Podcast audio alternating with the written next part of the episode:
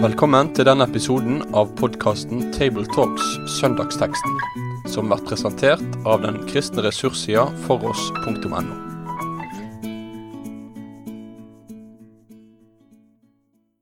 Hjertelig velkommen til en ny episode av Tabletalks, der vi gjennomgår søndagens tekst.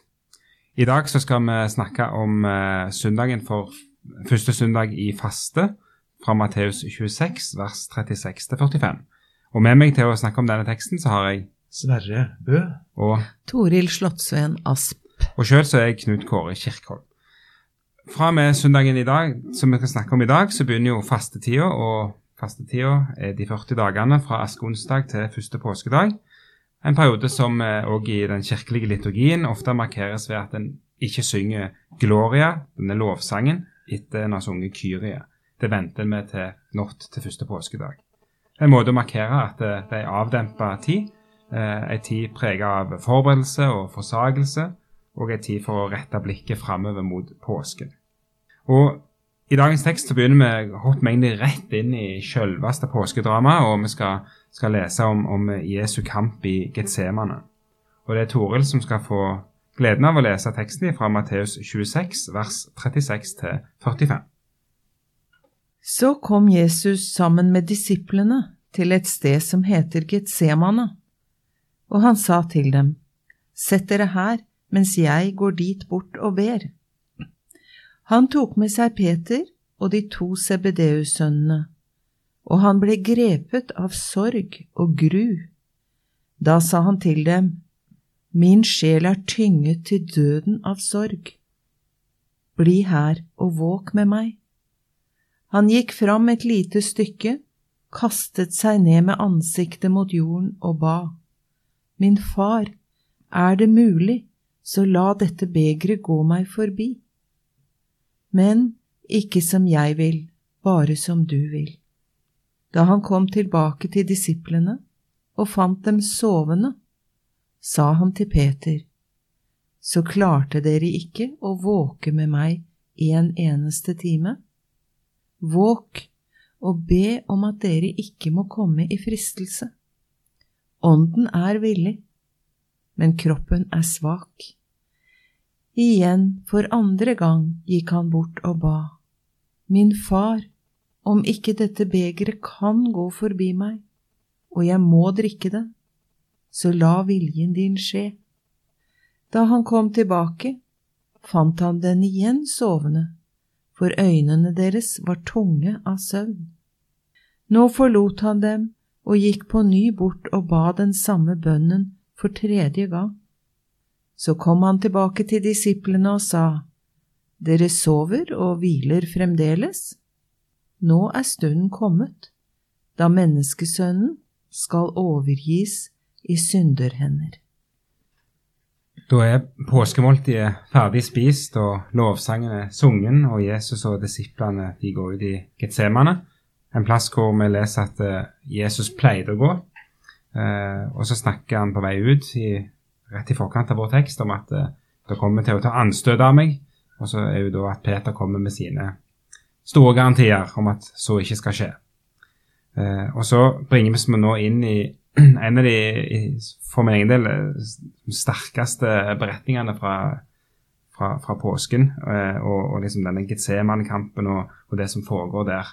Eh, en tekst som aldri slutter å gjøre inntrykk, syns jeg, når jeg leser den på nytt og jobber med den på nytt. At det, det, det er noe eget med en tekst som dette her.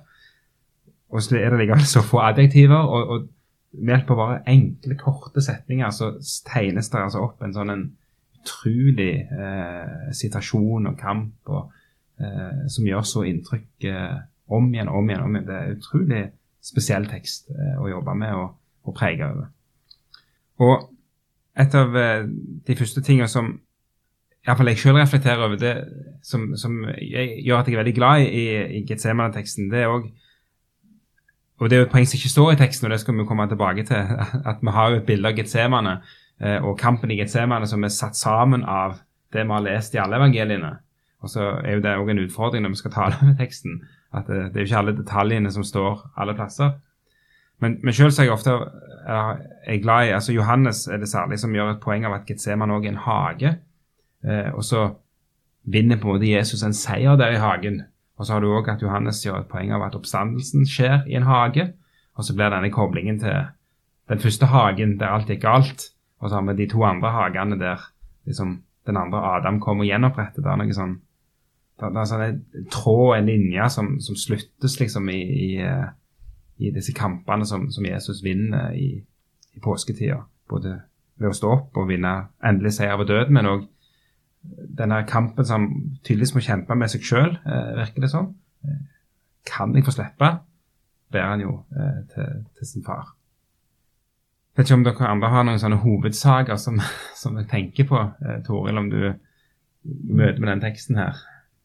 Jeg syns også det er veldig sterkt å, å, skulle bruke tid på å gå inn i den teksten her. Eh, det er vel nesten ikke noe sted vi kommer så nær Jesu, Jesu menneskelighet. Eh, jeg opplever sjøl at fordi Jesus også var Guds sønn, så er det så lett å tenke om han eh, som om den menneskelige siden ikke var helt virkelig, for han var Guds sønn samtidig. Mm. Eh, men her syns jeg på en måte det blir, så, det blir så rått hvordan han åpner opp for hvor tøft dette virkelig er. Eh, når du sier 'min sjel er tynget til døden av sorg', da er du ganske langt nede. Da er smerten ganske enorm.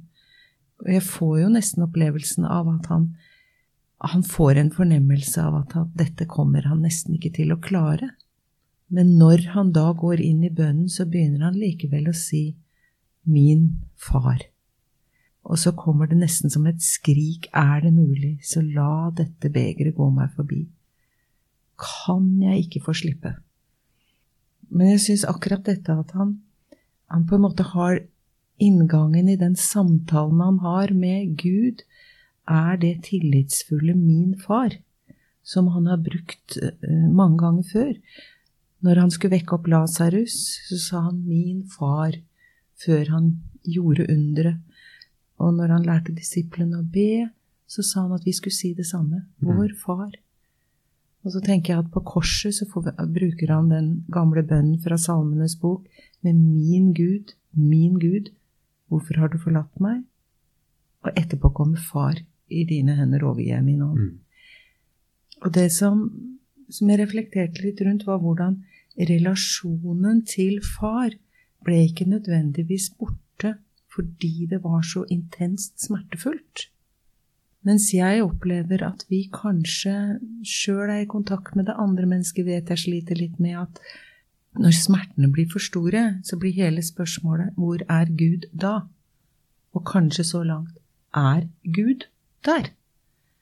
Og jeg vet eh, Jeg hørte en sa en gang som, eh, til, eh, til en som hadde mye lidelse i livet Det er klart Gud vil ikke at du skal ha det sånn. Sånn at vi har vanskelig for å holde fast på både far og lidelsen. Mens her ser vi at Jesus mister ikke relasjonen til Gud, selv om han eh, er i en sånn nesten uutholdelig smertefull situasjon.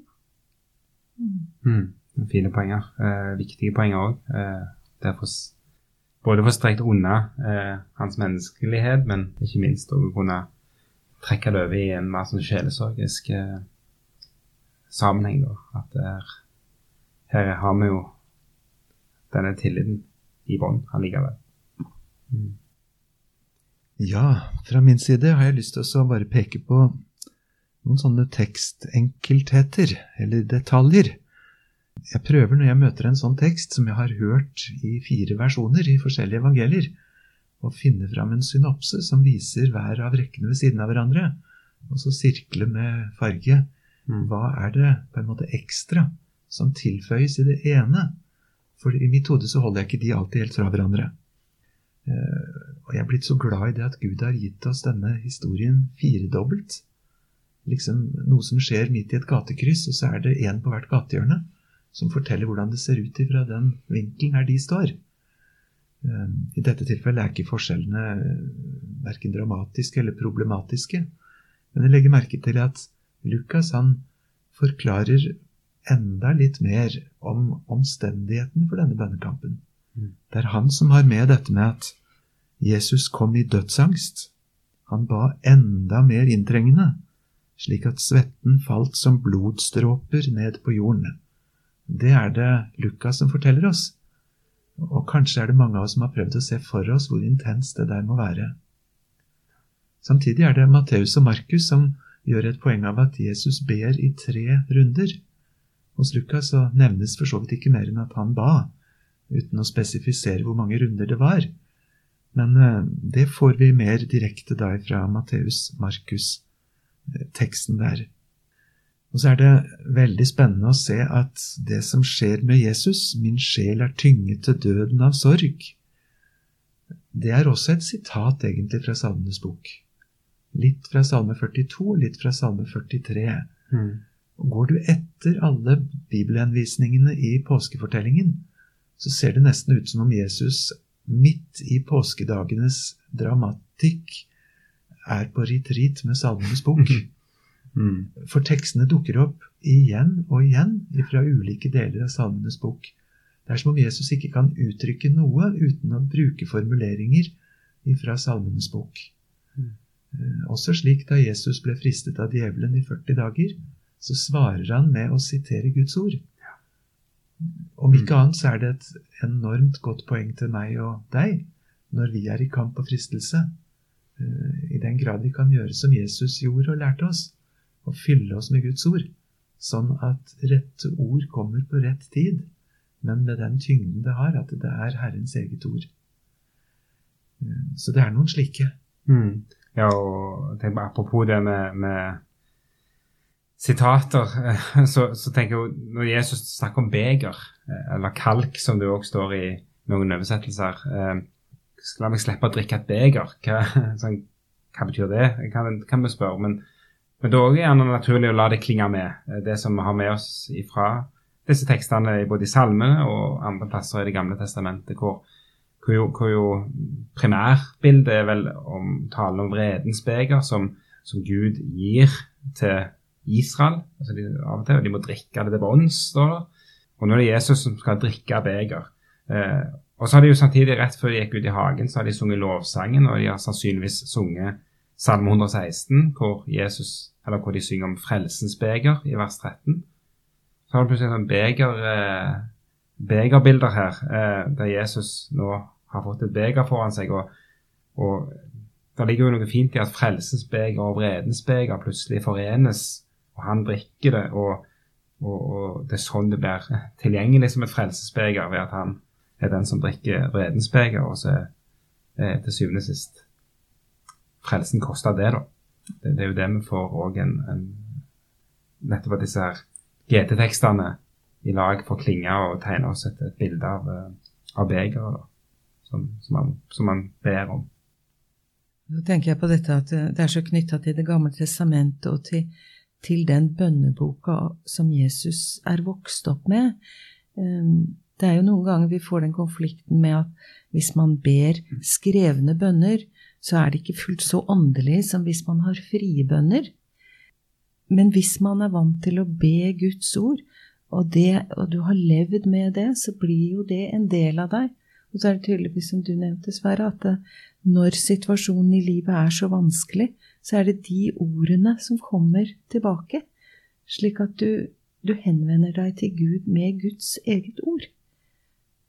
Det, da får du på en måte en bønn å hvile i, der kanskje ikke dine egne ord ville være i stand til å få uttrykt det. I hvert fall når det er så tøft som her. Og Der syns jeg også det er spennende å se hvilke verb Bibelen bruker for å be. For Vi er vant med hovedordet be, og så har vi om forbønn. Og så har vi skjønt at det er noe som heter å klage. Klage sin nød for Herren. Å rope til Herren. Så jeg er ekstra glad i det norske uttrykket 'å øse ut sitt hjerte for Herren'. Mm. Det kan ta ganske lang tid å øse tom en tiliters kjele med ei øse. Men det er en prosess hvor du gradvis får lov til å flytte det. Og sånn kan det være å øse ut sitt hjerte for Herren. Det, det er ikke gjort bare som du tømmer det og velter ut, men det er en bevisst handling som tar ledd for ledd og får sette ord på det, legge det framfor Herren. Og så har jeg lagt merke til at Markus to ganger bruker ordet sukke. At Jesus sukket til Gud. Altså Det er rett og slett sånn bønnen introduseres på. Og hver av oss vet selv hvordan livet vårt har på en måte gjort bønnen til så veldig mange slags aktivitet. Det er ikke så formfullendt og passer ikke på trykk og når ikke alltid fram til amen. Men også et sukk registreres i himmelen. Utrolig flott. Og Jesus ber jo, ikke minst med kroppen òg her, at han Mm. Ligger helt flatt. Det, da har du en eh, Det er jo en bønn, det òg, egentlig. I det. Og så nevnte du Sverre dette med tre ganger. Han ber tre ganger. Er ikke kampen hans vunnet første gangen? For han sier jo 'som du vil' allerede da. Jeg leste et sted at, eh, at stormen er ikke over selv om skipperen har tatt ut kursen. Så, så denne kampen står han i selv om han allerede er på rett vei i første bønn. Men det ser ut til at han går tilbake, og så må han inn i bønnen igjen. Og så kommer han tilbake til disiplene, og så må han inn i bønnen igjen. Eh, Men tre ganger kan jo også eh, Det er kanskje ikke tilfeldig at det er tre ganger. Det kan jo også henspeile på den gangen Jesus ble frista mer i direkte kontakten med djevelen etter 40 dager, eller i de 40 dagene. Eh, For Jesus sier ikke sjøl noe om at det er fristelse knytta til hans kamp akkurat her. Men når han henvender seg til disiplene, så trekker han jo inn dette med fristelse. Så det må jo bety at det er en ganske sterk fristelse i denne smertefulle hendelsen til ikke å bøye seg for Guds vilje. I eh, denne filmen 'The Passion of the Christ', har, som Mel Gibson produserte for en del år siden, så har han jo en veldig spesiell scene i Getsemane. For, for der har han gjort det sånn at uh, han har gjort en kamp. At det kommer, djevelen kommer, og så, så viser djevelen Jesus i et sånn film alt fælt kristne skal komme til å gjøre etterpå. Av at du nå gjør dette. Eh, Det er jo selvfølgelig fantasi, men, men det er nettopp for å få fram det poenget at, eh, at eh, det, er en test eller en fristelse, det, det er et eller annet som foregår som, som, eh, som Jesus kjemper mot, uten at, uten at jeg skal gjøre mer ut av det enn det. Men, men det var sånn assosiasjonseffekt bare når du nevnte dette. at ja, hva, hva var det han kjente på det han, det han kjenner bra? Og, Og min erfaring er at det er, det er vanskelig for min tanke, og kanskje vår, litt vår vestlige kulturs tanke, eh, at på en måte det gode og det rette eh, rommer lidelsen, når vi har valget om å gå utenom lidelsen. Så når Gud spør vil du gå denne veien, og åpner opp den lidelsen som han gjorde for Jesus her, den lidelsen som venter, da må det jo være veldig sterk fristelse å si nei, jeg tror jeg vil gå en annen vei.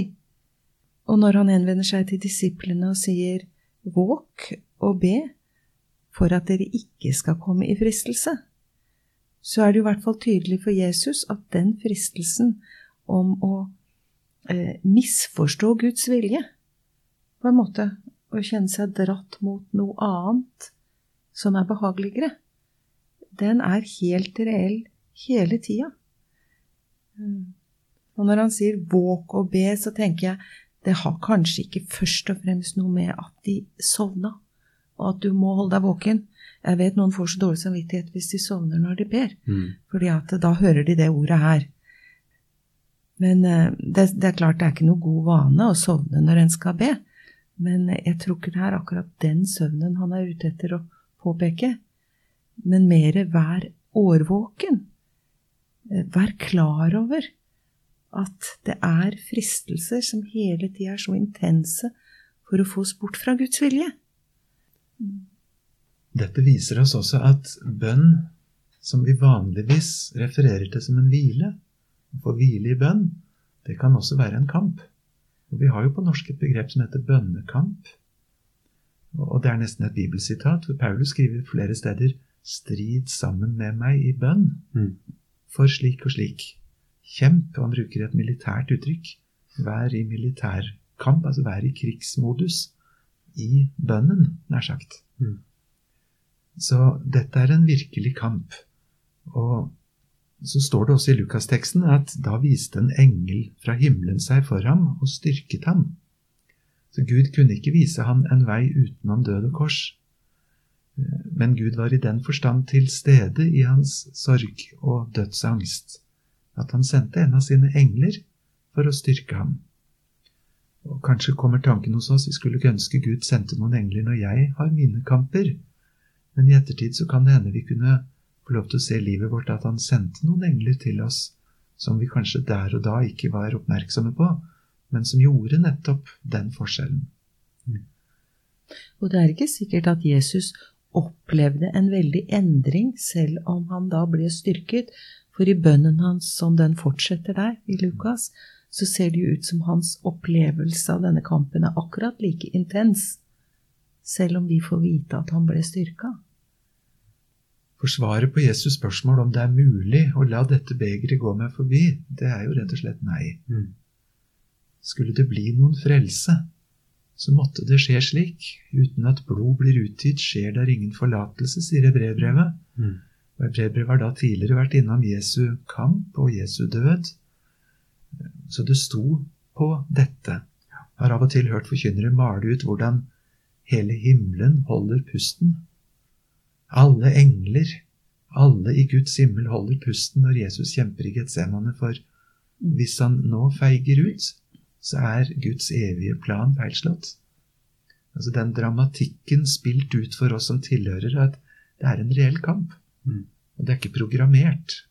Det er en overgivelse til Gud som går så langt som til å tåle å bli forlatt av han og, og skulle dø. Mm.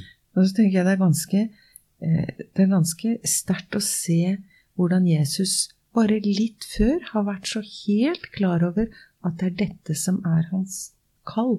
Mm. Eh, og til denne time er jeg kommet, sier han. Så han vet så inderlig vel at det er dette han skal.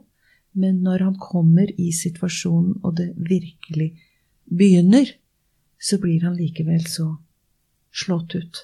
For det er så voldsomt. Han blir jo sitert i Lukas 12,50 på at han grudde seg. En dåp har jeg å døpes med, en ild har jeg som venter, og hvor jeg gruer, sier han. Og det er jo enda lang tid før påske, så Jesus' skritt til Jerusalem var ingen tilfeldig innom et problem her og der. Det var faste skritt på vei mot det han visste hva var. Mm. Så det får en veldig vekt. Ja, Det er sant. Mm. Så tenker jeg litt på disse som sovna.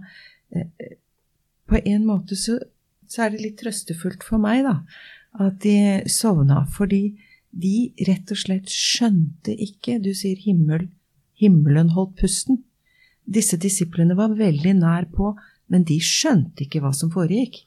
De skjønte ikke hvilken enorm kamp som ble utkjempa, og hvilke, hvilke øyeblikk dette var i, i det store kosmiske virkeligheten. De var liksom De datt ut. Og der sovna de. Og skjønte ikke at dette er visst helt livsavgjørende. Men er det kanskje sånn, tenkte jeg, for oss mennesker, at selv om vi tror og er hans disipler, så er det nesten ikke mulig for oss å gripe den virkeligheten som skjer i den åndelige verden. Den gangen, men også kanskje siden, at vi er Vi står litt på sidelinja når Gud handler. Og det er jo det som gjerne er litt av fastens poeng òg, at eh, altså Nettopp det å være litt våkne og kanskje prøve i hvert fall å sette av litt tid til å få et glimt, kanskje. I hvert fall gi Gud muligheten til å gi et glimt av hva som, hva som foregår. Vi skal gå mot en avrunding. Eh, hvis du skal talt, eller skal tale over denne teksten, hva er syns du ville vært det viktigste for din del her? Det ville være å si at den veien som eh, Jesus måtte gå for min frelse, den måtte gå denne veien. Og få frem at det ikke er ketsjup på Golgata. Mm. Det er ikke et skuespill. Det er en virkelig kamp. Og, og det skjedde fordi Gud har bestemt det slik, og Jesus var villig til å gå den veien. Men jeg ville nok også trekke fram et merkelig vers fra Salme 103, hvor det står at Gud kommer i hu at vi er støv. For jeg har alltid syntes det er så sårt med de som sovna, og min egen søvn når jeg ber, og sløvhet. Og jeg kan ikke unnskylde, men jeg har en trøst i at det overrasker ikke Gud. Mm. Du visste alt om meg før du meg kalla, og så kalla du likevel. Han kommer i huet at vi er støv, og det er til sånne han vil komme med frelse. Mm. Ja, og i tillegg til dette om min far og den relasjonen, så, så er jeg litt opptatt av at Jesus eh, både inviterer og byder når han sier 'våk og be'. Og det sier meg noe om at det, det vi opplever i livet, alt vi opplever, om det er smerte, om det er ting vi ikke forstår, om, om det er hjelpeløsheten vår, eh, eller fortvilelsen vår, så skal det inn i bønnens rom. Det er, det er der, når vi vil stå ansikt til ansikt med Gud, at våre kamper kan kjempes. Eh, hvis vi prøver å gjøre det på egen hånd, så kan vi veldig lett uh, ta feil av veien videre. Men dette at han, han vil ha oss inn i bønnen, uansett hva livet vårt møter. Og da bønnen ikke som noe jeg skal gjøre og prestere, men bønnen som et møte ansikt til ansikt med min far. Og ellers er jo fastetida eh, en del av rammene for en, en preike på denne søndagen her. Og, og jeg tenker vel gjerne òg at det kan være på sin plass for en forkynner. Og hvis det kommer tips eller oppmuntring eh, til ting en kan gjøre i fastetida for å lette litt på alle impulser som kommer utenfra, og kanskje til og med lese ei fastebok eller et eller annet sånt. Eh, Sjøl så har jeg ofte hatt glede av å lese den der klassikeren 'Guds lam' av en dansk prest som heter Fibiger. En gammel bok, men en utrolig fin bok.